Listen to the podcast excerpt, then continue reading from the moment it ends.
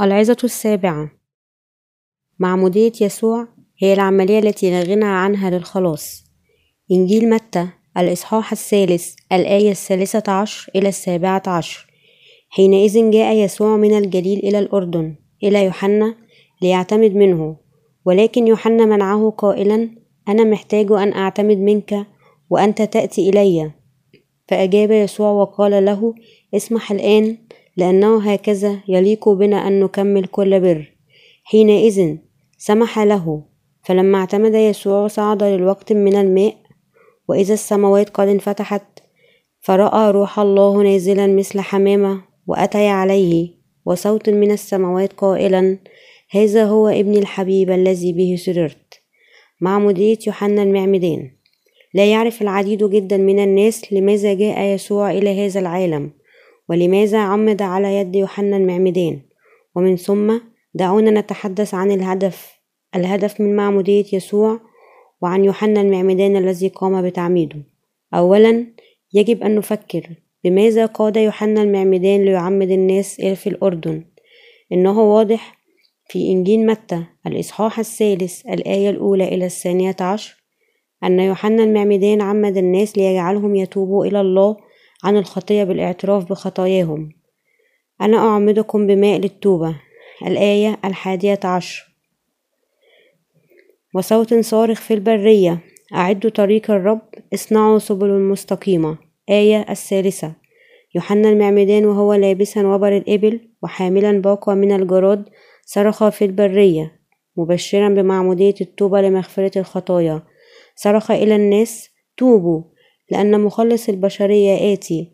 أعدوا الطريق أمامه. اجعلوا سبل الخلاص مستقيمة.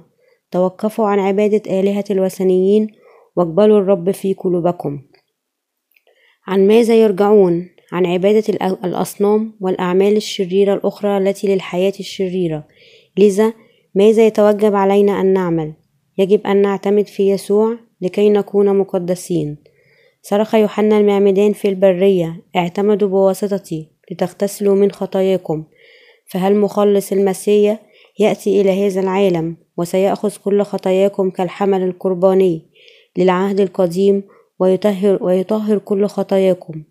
ففي العهد القديم كانت الخطايا اليومية تنكر إلى ذبيحة الخطية خلال وضع الأيدي وأيضا الخطايا السنوية.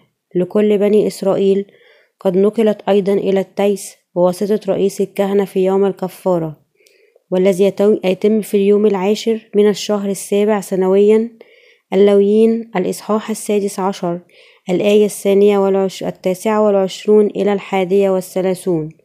وبنفس الطريقة كان يجب على كل خطايا البشرية أن تنكر إلى يسوع خلال معموديته دفعة واحدة لكي يمكن تطهيرها من خلاله لذا حث يوحنا الشعب أن يرجعوا إلى يسوع ويعتمدوا بواسطته. كانت الأهمية الأساسية لمعمودية يوحنا المعمدان هي التوبة وهي التي أتت ببني إسرائيل ليسوع الذي كان سيأتي لاحقا. والمقصود بالتوبة أن تعود من الحياة الشريرة وتؤمن بالمسيا لكي تنال غفران كل الخطايا. وكان يمكن لبني إسرائيل نوال الخلاص بالرجاء بالمسيا الذي كان ليأتي بعد ذلك ليطهرهم من كل خطاياهم. وبالمثل ننال نحن الخلاص بالإيمان بيسوع الذين أتى إلينا من السماء منذ ألفين سنة مضت ومحى كل خطايا العالم لكن بني إسرائيل في العهد القديم تركوا ناموس الله وقدموا الذبائح الخطأ ونسوا المسيح. ولأن يوحنا المعمدان كان لابد منه ليذكرهم بناموس الله والمسيح الذي سيجيء بعده لذا فقد بدأ بتعميد الناس وعمد يسوع في نهاية المطاف في الأردن. جاء العديد من الناس إلى يوحنا وعمدوا تابوا عن عبادة الأصنام وإهمالهم لناموس الله إلا أن هناك ثلاثة عناصر لا غنى عنها في الذبيحة الشرعية. حيوان حي وضع الأيدي ودمها لذا يخلص كل شعوب العالم بالإيمان بيسوع. عندما جاء الفريسيون والصادقيون ليعتمدوا صرخ يوحنا إليهم يا أولاد الأفاعي من أراكم أن تهربوا من الغضب الآتي فاصنعوا أسمارا تليق بالتوبة. ولا تفتكروا أن تقولوا في أنفسكم لنا إبراهيم أبا لأني أقول لكم أن الله قادر أن يقيم من هذه الحجارة يا أولاد إبراهيم. متى؟ الإصحاح الثالث الآية السابعة إلى التاسعة. هؤلاء الفريسيين والصادقيون ومجموعات من السياسيين وعابدي الأصنام اعتقدوا أنهم كانوا شعب الله على الرغم من حقيقة أنهم لم يؤمنوا بكلمة الله فقد آمنوا بآلهة أخرى وبأفكارهم الخاصة. وعندما جاءوا إلى يوحنا المعمدان ليعتمدوا أخبرهم أنتم لا يجب أن تقدموا ذبائح خاطئة. لكن أن تتوبوا عن الخطية وتؤمنوا حقا أن المسيح سيجيء ويمحو خطاياكم يجب أن تؤمنوا بهذا في قلوبكم. أن تتوبوا أي أن ترجعوا على الطريق الخاطئ. التوبة الصحيحة هي أن تعودوا من الخطية من المعتقدات الباطلة وأن ترجعوا إلى يسوع إنها الإيمان بالخلاص بمعموديته ودينونته على الصليب. هكذا صرخ يوحنا المعمدان في بني إسرائيل الذين قد تركوا ناموس الله ونظام تقديم الذبائح لكي يقنعهم بالرجوع إلى الله.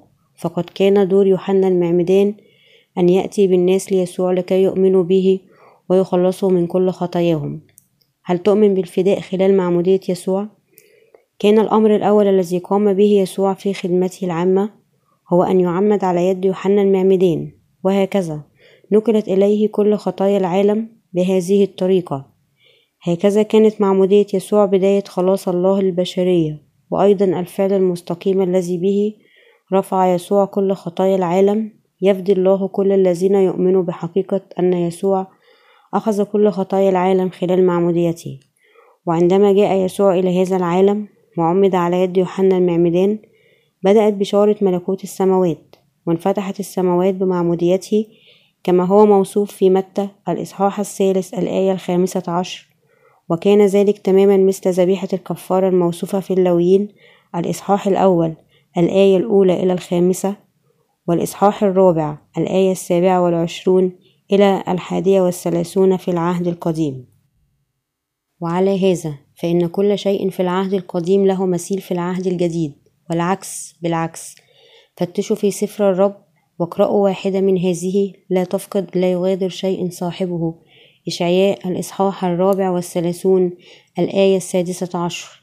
يتكلم كل من العهد القديم والعهد الجديد عن التكفير عن خطايا كل البشر. في العهد القديم كانت الخطية اليومية تنكر إلى ذبيحة الخطية بوضع الأيدي ثم يسفك دم الذبيحة ويحكم عليه بدلا من الإنسان الخاطئ.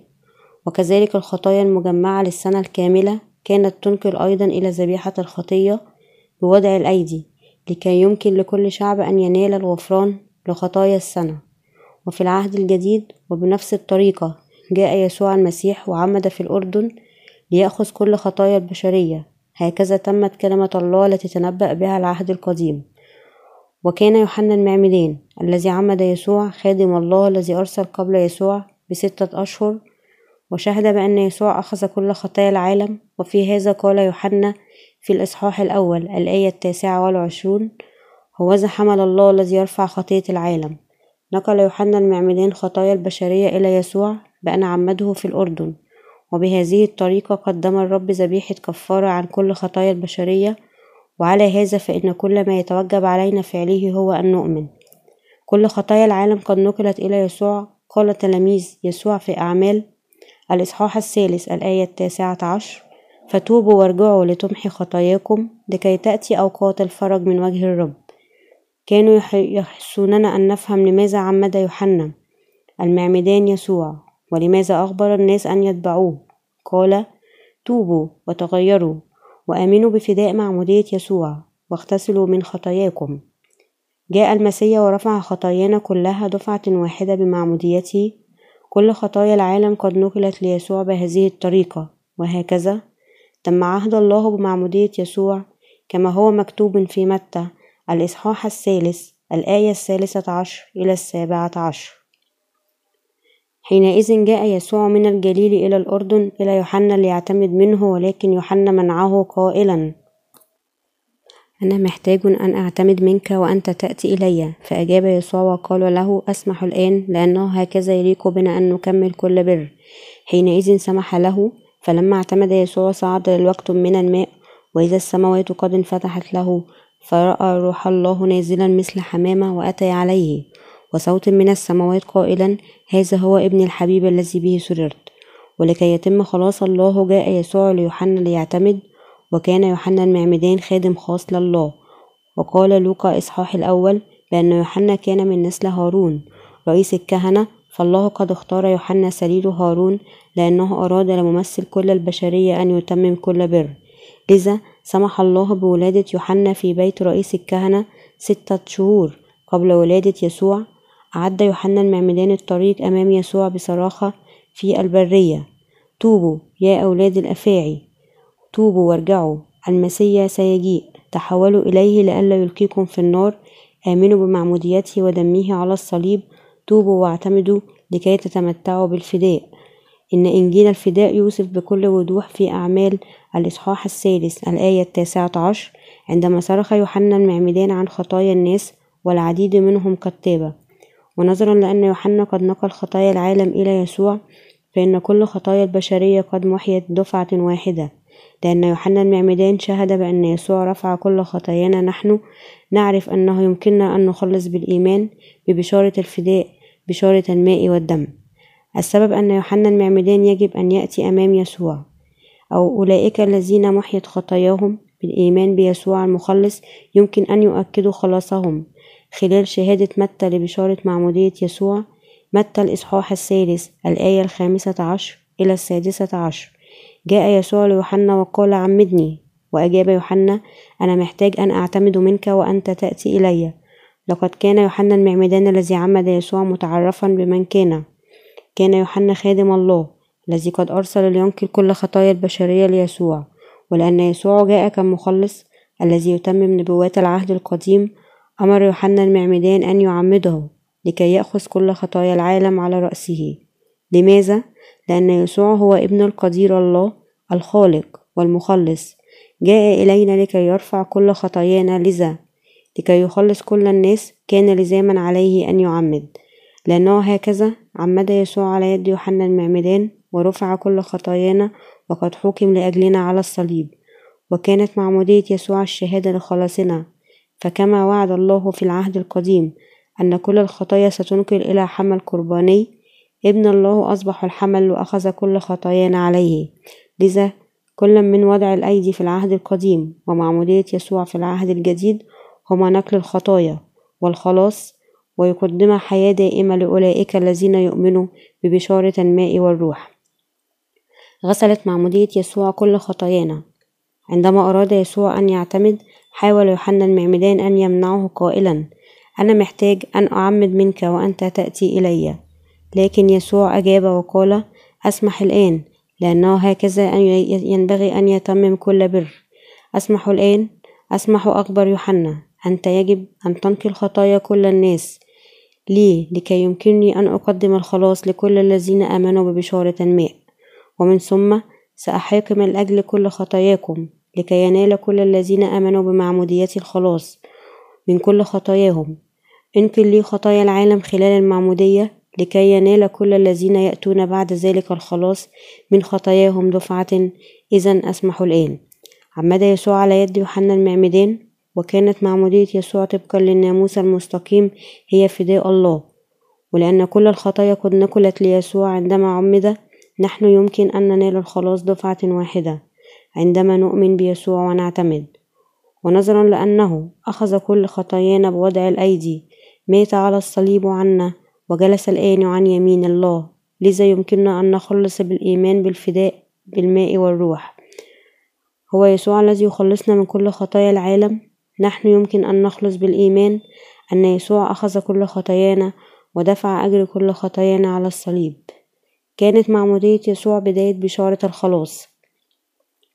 إن معمودية الفداء مذكورة كثيرا في الكتاب المقدس ويقول الرسول بولس أيضا في غلطية أنه قد صلب مع المسيح لأنه قد عمد في المسيح ولبس المسيح يتحدث الرسول بولس عن إيمانه في الفداء خلال معمودية يسوع وموته على الصليب. أسمح الآن. قال يسوع لأنه هكذا ينبغي أن نتمم كل بر. المقصود بكلمة بر أن يمحو كل الخطايا خلال معموديته ويجعل كل الناس أبرارا في قلوبهم. ثم سمح له ومن ثم عمد يسوع في الأردن. كما أن رئيس الكهنة وضع يديه على رأس التيس هكذا يوحنا المعمدان وضع يديه على رأس يسوع ونقل كل خطايا العالم إليه. كان يوحنا المعمدان رئيس الكهنة الذي كانت مهمته أن ينقل كل خطايا العالم إلى يسوع كممثل البشرية. يا الله أنا أنقل كل خطايا العالم إلى حملك يسوع. هكذا نقلت كل خطايا البشرية إلى يسوع وضع يوحنا المعمدان يديه على رأس يسوع وغطسه في الماء ورفع يديه عندما صعد يسوع من الماء وهكذا تمت معمودية يسوع للخلاص المستقيم وهكذا يخلص يسوع كل البشرية الذين يؤمنون بمعموديته. وانفتحت السماوات وأتى صوت من السماء. فلما اعتمد يسوع صعد للوقت من الماء وإذا السماوات قد انفتحت له فرأى روح الله نازلا مثل حمامة وأتى عليه وصوت من السماوات قائلا هذا هو ابن الحبيب الذي به سررت. متى الإصحاح الثالث؟ الآية السادسة عشر إلى السابعة عشر. عندما أخذ يسوع كل خطايا العالم بمعموديته فتحت السماوات له. هكذا تم عهد الله الذي قدمه منذ آلاف السنين خلال معمودية يسوع في الأردن. هكذا يسوع كحمل الله يخلص كل أناس العالم من خطاياهم. نقلت كل خطايا العالم إلى يسوع وتمم إرادة الله. ولقد شهد له في يوحنا الإصحاح الأول الآية التاسعة والعشرون هوذا حمل الله الذي يأخذ خطية العالم. ونظرا لأن كل الخطايا قد نقلت إلى يسوع حمل الله الذي صار نحو الصليب على الجلجثة بعد ثلاثة سنوات. بذلك العبء على كتفيه. وبعدما حمل كل الخطايا بمعموديته في كل مكان ذهب. أخبر أولئك الذين قبلوه بالإيمان أن كل خطاياهم قد غفرت. في يوحنا الإصحاح الثامن الآية الحادية عشر أخبر المرأة التي قد أمسكت في الزنا لا أدينك لم يستطع إدانتها لأن الإنسان الذي كان لزاما عليه أن يدان هو يسوع نفسه الذي حمل كل الخطية هكذا أخبر كل الناس أنه هو مخلص الخطاة ولأنه ابن الله أخذ كل خطايانا فإن كل مؤمن في العالم يمكن أن يصبح مقدس. السماوات قد انفتحت عندما اعتمد بوابات ملكوت السماوات. قد انفتحت وكل من يؤمن بمعمودية يسوع يمكن أن يدخل بشكل حر. صلب يسوع بعد أن أخذ عليه كل خطايا العالم خلال معموديته. كان يجب على يسوع أن ينال الحكم على الصليب وذلك لأن كل الخطايا قد نقلت على رأسه. لقد كان حزينا جدا وقلقا بعمق عندما فكر بالمعاناة التي سيعانيها على الصليب. صلى حتى أن عرفه صار مثل قطرات عظيمة من الدم وعندما ذهب مع تلاميذه لمكان يدعى جثيماني صرخ إن أمكن فلتعبر عني هذه الكأس. متى الإصحاح السادس والعشرون إلى التاسع والثلاثون. أنا عمدت وحملت كل خطايا العالم لكن لا تدعني أموت من أجلها لكن الله لم يستجب له. في يوم الكفارة في العهد القديم كان يجب على ذبيحة الخطية أن تقتل لكي يرش دمها على كرسي الرحمة بواسطة رئيس الكهنة. وبنفس الطريقة كان يتوجب على يسوع أن يصلب وقد قرر الله أنه لا يوجد طريق آخر سوى هذا. إن المذبح هو دينونة الله ودم ذبيحة الخطية هو الحياة. ورش الدم سبع مرات على وأمام كرسي الرحمة يعني أن كل الدينونة تنقل. اللويين الإصحاح السادس عشر الآية الأولى إلى الثانية والعشرون. صلى يسوع إلى الله ليعبر عنه هذه الكأس لكن الآب لم يسمح له وقال يسوع أخيرا ليس كإرادتي بل كإرادتك. متى؟ الإصحاح السادس والعشرون الآية التاسعة والثلاثون. صلى إلى الله أن يفعل ما يراه مناسبا. أنهى الصلاة واتبع إرادة أبيه. تخلى يسوع عن إرادته وأطاع أبيه. لماذا؟ لأنه إذا لم يدان بعدما أخذ. كل خطايا العالم لا يمكن أن يتم الخلاص. صلب لأنه أخذ كل خطايا البشرية بمعموديته. لأن أجرة الخطية موت. لكن عطية الله حياة أبدية في المسيح يسوع ربنا. رمي الإصحاح السادس الآية الثالثة والعشرون. تمام الله العهد الذي قال بأنه يرسل المخلص ويخلص البشرية بوضع الأيدي. أي معمودية يسوع؟ أطاع يسوع إرادة الله وقبل الدينونة لأجلنا. كان أيضا إتمام لنبوة تكوين. الإصحاح الثالث الآية الخامسة عشر. وأنا سأضع عداوة بينك وبين المرأة وبين نسلك ونسلها. هو سيسحق رأسك وأنت, تست وأنت تستحقين عقبة. وعد الله آدم بأن يرسل المسيح نسل حواء وهو يفوز بقوة الشيطان الذي جعل الإنسان يخطئ ويذهب إلى جهنم. عندما نعرف ونؤمن بمعمودية يسوع وموته على الصليب كل خطايانا تتطهر ونخلص من الدينونة. يجب أن يكون لنا إيمان صحيح في قلوبنا. عندما نفكر في معمودية يسوع ودمه على الصليب آمن بها في قلبك وبعد ذلك ستخلص. معمودية يسوع هي بداية البشارة السماوية. كانت معمودية يسوع بداية الإنجيل وهو خلص كل الخطاة بمعموديته ودمه مكتوب في متى الإصحاح الثامن والعشرون الآية التاسعة عشر اذهبوا وتلمذوا جميع الأمم وعمدوهم باسم الآب والابن والروح القدس أخبر يسوع تلاميذه أن يشهدوا بأن الآب والابن والروح القدس قد خلصوا كل البشرية من خطاياهم وطهروا كلها خلال معموديته ودمه. قدم لهم يسوع القوة ليقوموا تلاميذ في كل الأمم وليعلموهم عن معموديته معمودية الفداء المعمودية التي طهرت كل خطايا العالم. منذ ألفين سنة مضت جاء يسوع إلى الأرض في الجسد وعمد على يد يوحنا المعمدان بمعمودية يسوع. كل خطايا العالم بضمن ذلك كل خطايانا قد نقلت عليه. ما هو مقدار الخطية التي نقلت إليه؟ ماذا عن خطايا الغد؟ يخبرنا أنه حتى خطايا الغد قد نقلت إليه خطايا أبنائنا تلك في كل الأجيال الماضية والحاضرة والمستقبلية. حتى تلك لآدم قد نقلت إلى يسوع.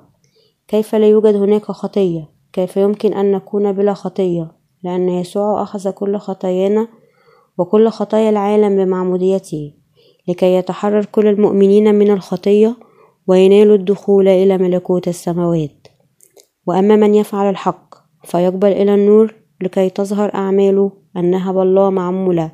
يوحنا الإصحاح الثالث الآية الحادية والعشرون.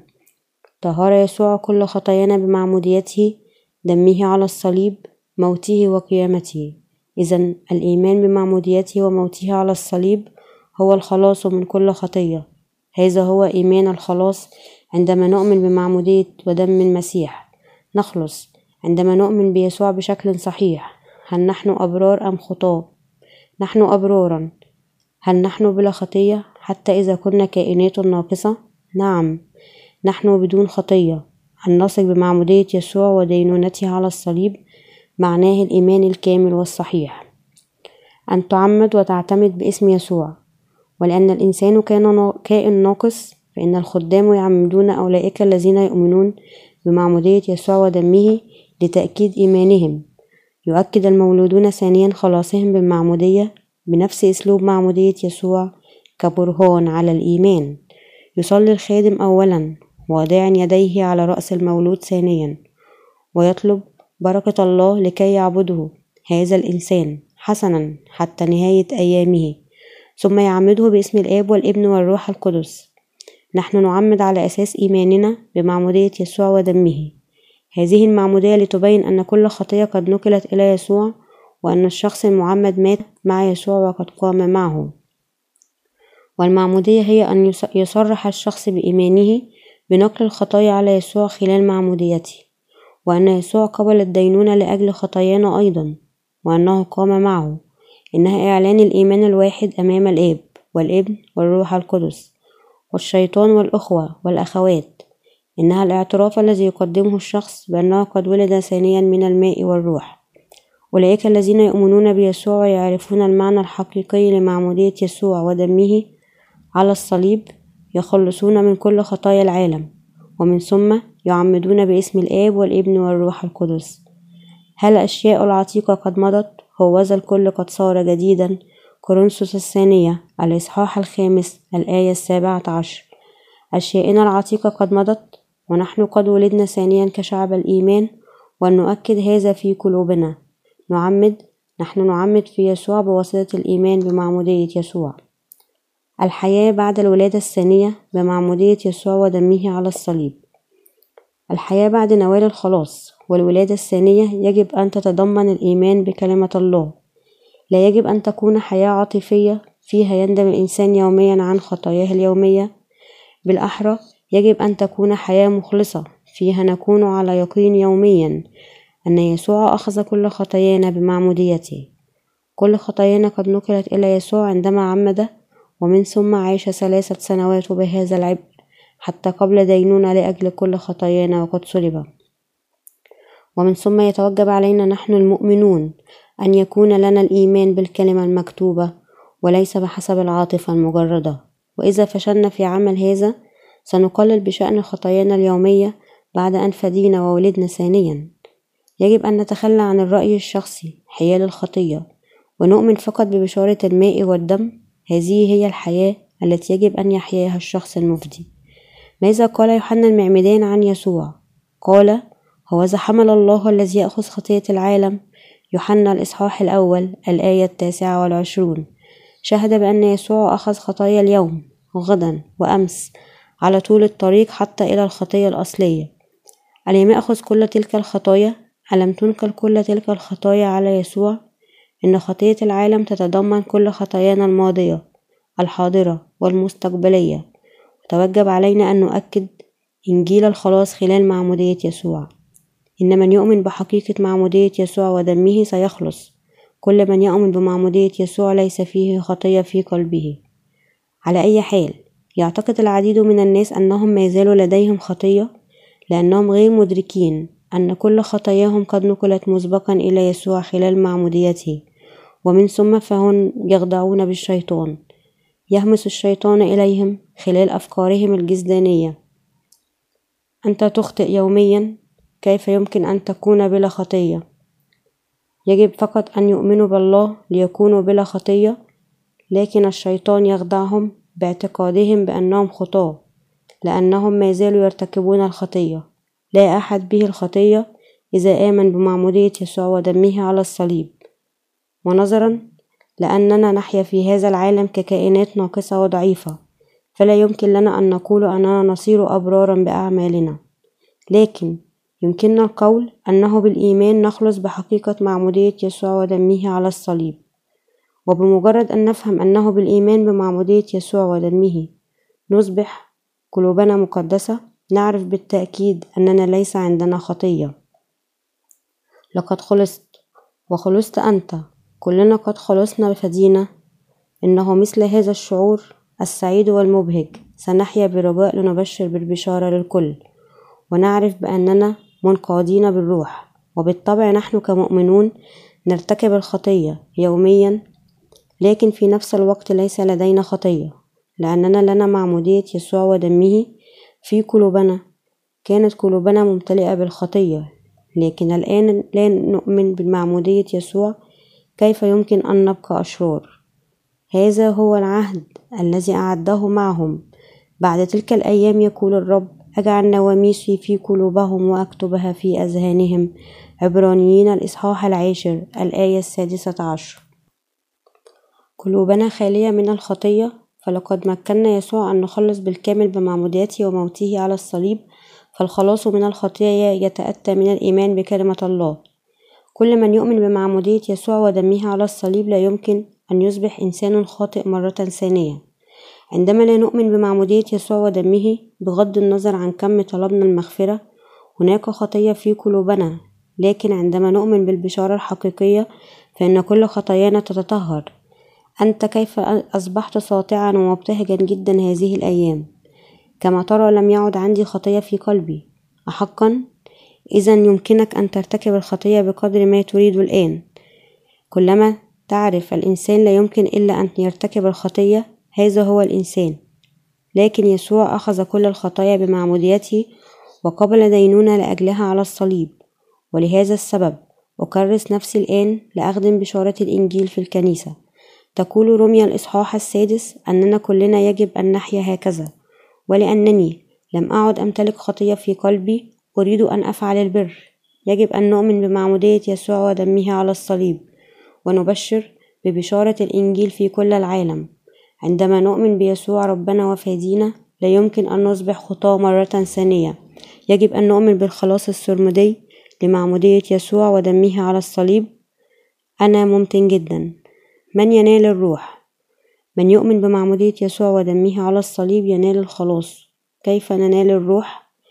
يخبرنا أعمال الإصحاح الثاني الآية الثامنة والثلاثون والتاسعة والثلاثون بالجواب فقال لهم بطرس توبوا وليعتمد كل واحد منكم على اسم يسوع المسيح لغفران الخطايا. فتقبلوا عطية الروح القدس لأن الموعد هو لكم ولأولادكم ولكل الذين على بعد كل من يدعوه الرب إلهنا. المعمودية على اسم يسوع المسيح تعني الإيمان بمعمودية يسوع وخلاصه. ومن ثم فإن الروح سيعطي عطية من الله.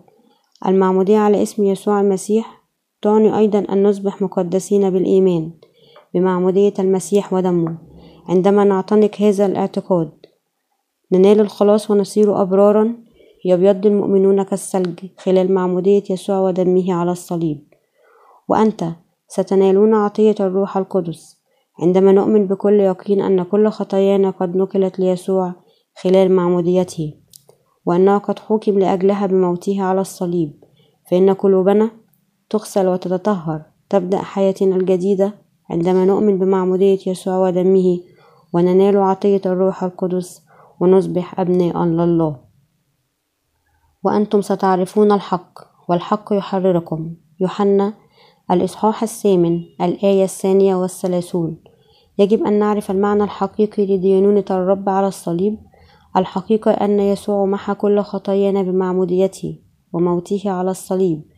يعطي الفداء لنا عندما نؤمن بالحق. معمودية يسوع تخلصنا. إن التكفير عن الخطية خلال نظام تقديم الذبائح للعهد القديم يمثل معمودية يسوع في العهد الجديد. معمودية يسوع هي الجوهر ذاته لكل نبوات العهد القديم. أن المماثل لوضع الأيدي في العهد القديم يمكن أن يوجد في معمودية يسوع في العهد الجديد. كل خطايا العالم قد نقلت إلى يسوع خلال معموديته كما أن خطايا إسرائيل قد نقلت إلى كبش الفداء بوضع الأيدي. هل من واجبنا أن نؤمن بمعمودية يسوع لكي نخلص من كل خطايانا؟ نعم هو كذلك. نحن يجب أن نقبل حقيقة أن يسوع أخذ كل خطايا العالم بمعموديته.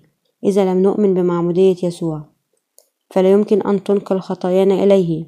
يجب أن نؤمن لكي يكمل خلاصنا وإلا فلا يمكن أن نصبح أبرارا. يخلص يسوع كل خطاة العالم بأفضل وأنسب الطرق برا والتي هي معموديته. لا يمكن أن يوجد أي طريق آخر لأن معمودية يسوع كانت العملية الأساسية التي لا غنى عنها والتي بواسطتها نقلت كل الخطايا إليه. فيتعين علينا أن نؤمن به لتتطهر قلوبنا بشكل دائم من الخطية. يجب أن نؤمن أيضا أن دم يسوع كان دينونة لأجل كل خطايانا. وهكذا كل الذين يؤمنون بمعمودية يسوع ودمه على الصليب يخلصون من الخطية. يجب أن نؤمن بمعمودية يسوع لكي ندخل ملكوت السماوات. هذا هو الطريق الوحيد الذي يمكننا به أن نخلص من كل خطية ونهرب من العقوبة العادلة. إن معمودية يسوع في العهد الجديد ووضع الأيدي في العهد القديم هما مماثلان حقا حلقة الوصل بين العهد القديم والعهد الجديد. في العهد الجديد جاء يوحنا المعمدان ستة أشهر قبل يسوع وعندما يسوع قد عمد كان بدء إنجيل يسوع المسيح ابن الله. مرقس الإصحاح الأول الآية الأولى. يبدأ الإنجيل في ذلك الوقت بأخذ يسوع كل خطايا العالم خلال معموديته. وتمت خدمة الخلاص للبشرية خلال سلسلة من الأحداث. ولادة يسوع معموديته موته على الصليب قيامته وصعوده إلى السماء. عندما نعرف ونفهم ونؤمن بعملية الخلاص في هذه السلسلة من الأحداث نخلص من كل خطايانا. كانت معمودية يسوع بداية بشارة الإنجيل. بينما كان الدم على الصليب تمامها.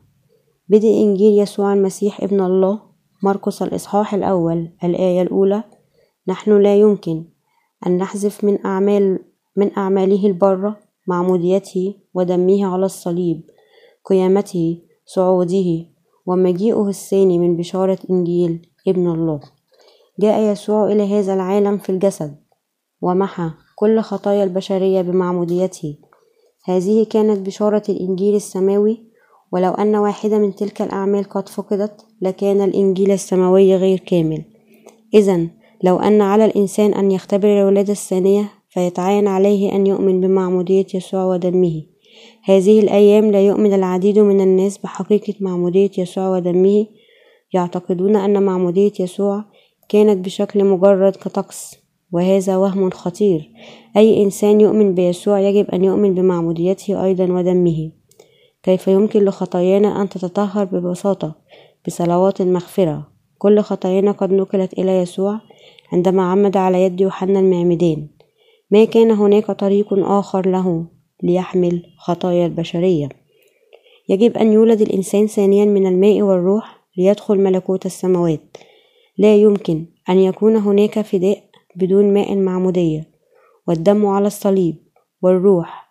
فقط الإنسان المولود ثانيا هو الذي يمكنه أن يرى الله كما قال يسوع لنيقوديموس في يوحنا الإصحاح الثالث الآية الخامسة يتأتى الخلاص الحقيقي إلينا فقط عندما نؤمن بمعمودية يسوع ودمه. هل يمكن أن نخلص بدون معمودية يسوع؟ إذا وجب علينا أن نحذف من خدمة الرب العامة. حقيقة أن يسوع جاء إلى هذا العالم ورفع كل خطايانا خلال معموديته أو نتغاضى عن قداسة يسوع المولود من مريم العذراء أو أن نهمل الإيمان بصليب يسوع فإن المسيحية تصبح بشكل مجرد دينا يؤمن بالخرافات والتي تقود المؤمنين لترتير اغفر لي اغفر لي اغفر لي مثلما يعمل البوذيون في معابدهم حذف معمودية يسوع يعني أن خطايانا لم تنقل إليه ومن ثم يكون إيماننا عديم القيمة. ويجعلنا لا نختلف عن الميدان الذي يدعى بأنه دفع ديونه بالكامل بينما في الحقيقة لم يدفع شيئا مطلقا. وهذا يجعلنا كلنا كاذبين. إذا قال المدان أنه قد دفع كل ديونه بينما في الحقيقة لم يفعل شيء من هذا القبيل. وهو ما زال مدان في الحقيقة وفي الضمير. غسل يسوع المؤمنين بماء معموديته وجعلهم أبناء لله. أخذ يسوع كل خطايا العالم خلال يوحنا المعمدان لكي يمكن أن يتقدس كل المؤمنين عندما نعرف ونؤمن بهذا تصبح قلوبنا طاهرة إلى الأبد. اشكر الله لنعمته. لوقا الإصحاح الثاني الآية الرابعة عشر. قال المجد لله في الأعالي وعلى الأرض السلام وفي الناس المسرة. إن إيماننا بماء ودم يسوع يجعلنا نكمل الخلاص ويجعلنا أبناء لله. معمودية يسوع ودمه تخلصنا. وكل من يؤمن بها يخلص أيضا. لا شيء يمكن أن يحذف من أعماله. إن بعض الذين يؤمنون فقط بالدم يقولوا أن الرسول بولس لم يفتخر بشيء إلا بالصليب لكن معمودية يسوع قد تضمنت في صليبه. نحن يمكن أن نرى في رمية الإصحاح السادس أن بولس قد عمد في المسيح ومات مع المسيح. وأيضا في غلطية الإصحاح الثاني الآية العشرون مع المسيح صلبت فأحيا لا أنا بل المسيح يحيا فيا. فما أحياه الآن في الجسد فإنما أحياه في الإيمان. إيمان ابن الله الذي أحبني وأسلم نفسه لأجلي. وفي غلطية الإصحاح الثالث الآية السابعة والعشرون إلى التاسعة والعشرون لأن كلكم الذين اعتمدتم بالمسيح قد لبستم المسيح ليس يهودي ولا يوناني ليس عبد ولا حر ليس ذكر وأنثى لأنكم جميعا واحدا في المسيح يسوع. فإن كنتم للمسيح فأنتم إذا نسل إبراهيم وحسب الموعد ورثة. ليكونوا معمد في المسيح يقصد أن يؤمن بكل الأشياء يؤمن بكل الأشياء التي عملها في هذا العالم معموديته ودمه على الصليب. أن تؤمن بمعمودية يسوع ودمه هو أن تؤمن بحقيقة أن يسوع طهر مسبقا كل خطايانا تقريبا منذ ألفين سنة مضت وليس هناك طريق آخر يخلصنا. خلصنا بواسطة الله عندما نؤمن بمعمودية يسوع ودمه على الصليب لأن القلب يؤمن به للبر والفم يعترف به للخلاص. رمية الإصحاح العاشر الآية العاشرة. لأن كلكم الذين اعتمدتم بالمسيح قد لبستم المسيح. غلطي الإصحاح الثالث الآية السابعة والعشرون. إيماننا يقودنا لنعتمد في المسيح لنلبس المسيح ولنصبح أبناء الله. عندما جاء يسوع لهذا العالم وعمد كل خطايانا وخطايا العالم قد نقلت إليه.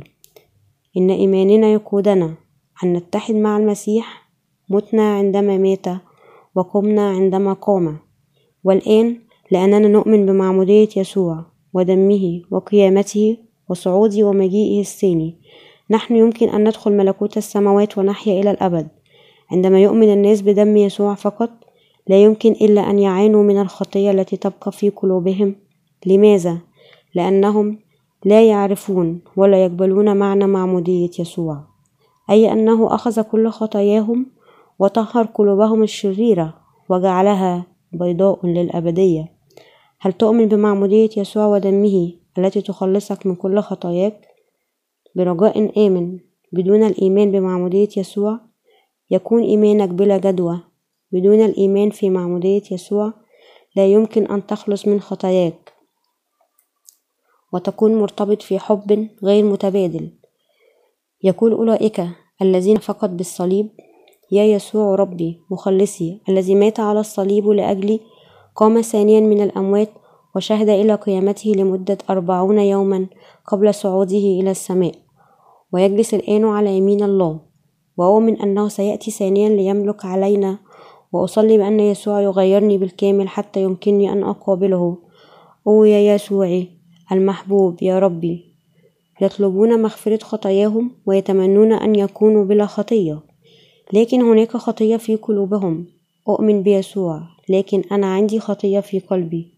أحب يسوع لكن عندي خطية في قلبي. لا يمكن أن أقول برجاء تعال إلي يا عريسي لأني عندي خطية ولا يمكن أن أكون متأكدا من خلاصي. لذا أتمنى أن يأتي يسوع عندما أكون مستعدا جيدا وفقط بعد أن أصلي أكثر وأتوب أكثر. أحب يسوع من قلبي لكن لا يمكن أن أتجاسر أن أواجهه بسبب الخطايا في قلبي. إذا سأل يسوع مثل هؤلاء الناس لماذا تعتقدون أنكم غير كاملين؟ يجيبون يا رب أعرف أني لست برا لأني أرتكب الخطية يوميا. لذا برجاء ادعوني عندما تدعو الخطاة. هم لا يعرفون أن الله الخالق والديان سوف لا يجبر الخطاة ولا يجعلهم أبنائه. جاء العريس وحل كل مشاكل الخطية للعروس لكن لأن العروس لم تعرفه فقد عذبت. عندما نعتقد أننا خطاة لأننا قد ارتكبنا الخطية بالجسد لا يكون لنا إيمان بالله. عندما لا نعرف ولا نفهم حقيقة كلمة الله فإن الخطية التي تسكن قلوبنا تتضاعف. أخذ العريس خطايا العالم. أين؟ في الأردن. عندما عمد أولئك الذين لا يؤمنون بهذا. ما زالوا خطاة يبكون عرائس مدنسة تسأل العريس العروس كيف تحبني بينما لا يمكن أن تكوني عروسي؟ قبل أن تدعيني عريسك كل خطاياك يجب أن تتطهر. هل يمكن أن نخلص بدون معمودية يسوع؟ لا خلقنا على صورة الله. لذا نطلب العدل في قلوبنا وضمائرنا نحاول أن تحاول أن تكون عادلا. لكن مستحيل لنا أن نعتقد أننا أبرار. إذا بقيت قلوبنا غير طاهرة من الخطية فقد عندما نقبل ونؤمن بمعمودية يسوع يمكن أن نقول حقا أننا لسنا عندنا خطية ونحن أبرار. لا يمكن أن تصبح ضمائرنا مقدسة. إذا نعتبر أنفسنا أننا بلا خطية بينما في الواقع عندنا خطية في قلوبنا.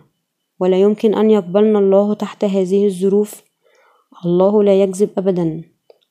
أخبر الله موسى أن يعد شعب إسرائيل ليحصيهم ويدفع فدية لحياتهم وغير مسموح للغني أن يقدم أكثر من نصف من نصف شاكل والفقير لا يعطي أقل. كل شخص يدفع الفدية. إذا كيف يصبح الإنسان مقدسا بينما لا يؤمن بيسوع الذي دفع فدية لحياته هو عنده خطية؟ عندما نؤمن فقط بدم يسوع نحن عندنا خطية في قلوبنا. ويجب أن نعترف بأننا خطاة لكن عندما نؤمن ببشارة معموديته والصليب سويا نحن يمكن أن نقول حقا أنه ليس لدينا خطية ومن ثم يكون الخلاص والحياة أبدية لنا. التجديف على الروح. تقول روميا الإصحاح الأول الآية السابعة عشر لأن فيه معلن بر الله بإيمان لإيمان كما هو مكتوب. أما البار فبالإيمان يحيى يعلن بر الله في الإنجيل جاء يسوع المسيح إلى هذا العالم وطهر كل خطايانا بمعموديته وموته على الصليب. إن معمودية يسوع ودمه هي قوة الإنجيل. طهر يسوع خطايانا بشكل نهائي. أن نؤمن يعني الخلاص وأن لا نؤمن يعني جهنم السرمدية أبونا في السماء أرسل ابنه الوحيد يسوع إلى هذا العالم وقد عمد ككفارة عن خطايانا. هكذا أن الذي يؤمن به يمكن أن يتطهر من كل خطاياه. الخطية الوحيدة التي تبقى في هذا العالم هي خطية عدم الإيمان بمعمودية يسوع ودمه. عدم الإيمان هو تجديف ضد الروح وهو خطية ستدان بواسطة الله الذي يدين غير كل المؤمنين إلى جهنم إنها أخطر الخطايا. أي منكم يرتكب هذه الخطية يجب أن يتوب ويخلص بالإيمان بمعمودية يسوع وإذا لم تفعل ستهلك إلى الأبد. هل تخلص بشهادة الخلاص خلال معمودية يسوع ودمه؟ هل قبلت شهادة يوحنا كما هي مكتوبة في يوحنا؟ الإصحاح الأول الآية التاسعة والعشرين هوذا حمل الله الذي يرفع خطية العالم آمن بمعمودية يسوع ودمه كما هو مكتوب في العبرانيين. الإصحاح العاشر الآية الثامنة عشر. إنما حيث تكون مغفرة لهذه لا يكون بعد قربانا عن الخطية. يشهد الله لأولئك الذين يؤمنون بمعمودية يسوع ودمه في قلوبهم والله يجعلهم أبنائه. أولئك الذين يؤمنون بمعمودية يسوع ودمه يخلصون خلال محبة يسوع البار. الذي أرسله الله يتكلم بكلمات الله لكن الذي من الأرض. الذي لم يرسل من الله يبشر طبقا لأفكاره.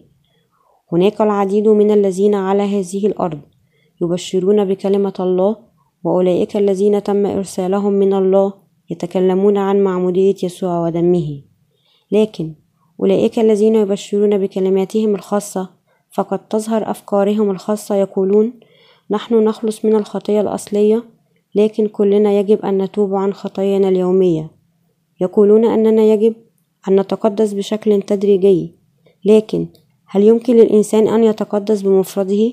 هل يمكن أن نصبح مقدسين بقوة استحقاقاتنا الخاصة وخلال جهودنا؟ هل نتقدس لأن الله طهر كل خطايانا أم لأننا حاولنا أن نتمم الخلاص بمفردنا؟ إن ما يقدسنا هو الإيمان الحقيقي هل يمكن أن نجعل الفحم أبيض بغسله ألف مرة؟ هل يمكن أن نجعل الجلد الأسود أبيض بالغسل؟ لا كمية الصابون أو الغسل يمكن أن يطهر خطايانا وبرنا الخاص هو مثل الخرقة الوسخة هل نصبح أبرارا بالإيمان بمعمودية يسوع ودمه أم بواسطة الإيمان فقط بالدم على الصليب؟ يتأتى الإيمان الحقيقي من ماء معمودية يسوع والدم على الصليب. لا يأتي الخلاص كنتيجة لجهودنا الخاصة فقط. إيماننا بمعمودية يسوع ودمه يحررنا من الخطية ويجعلنا أبرارا. لقد أعطى الآب كل الناس لابنه. وكل من يؤمن به سيكون له حياة أبدية.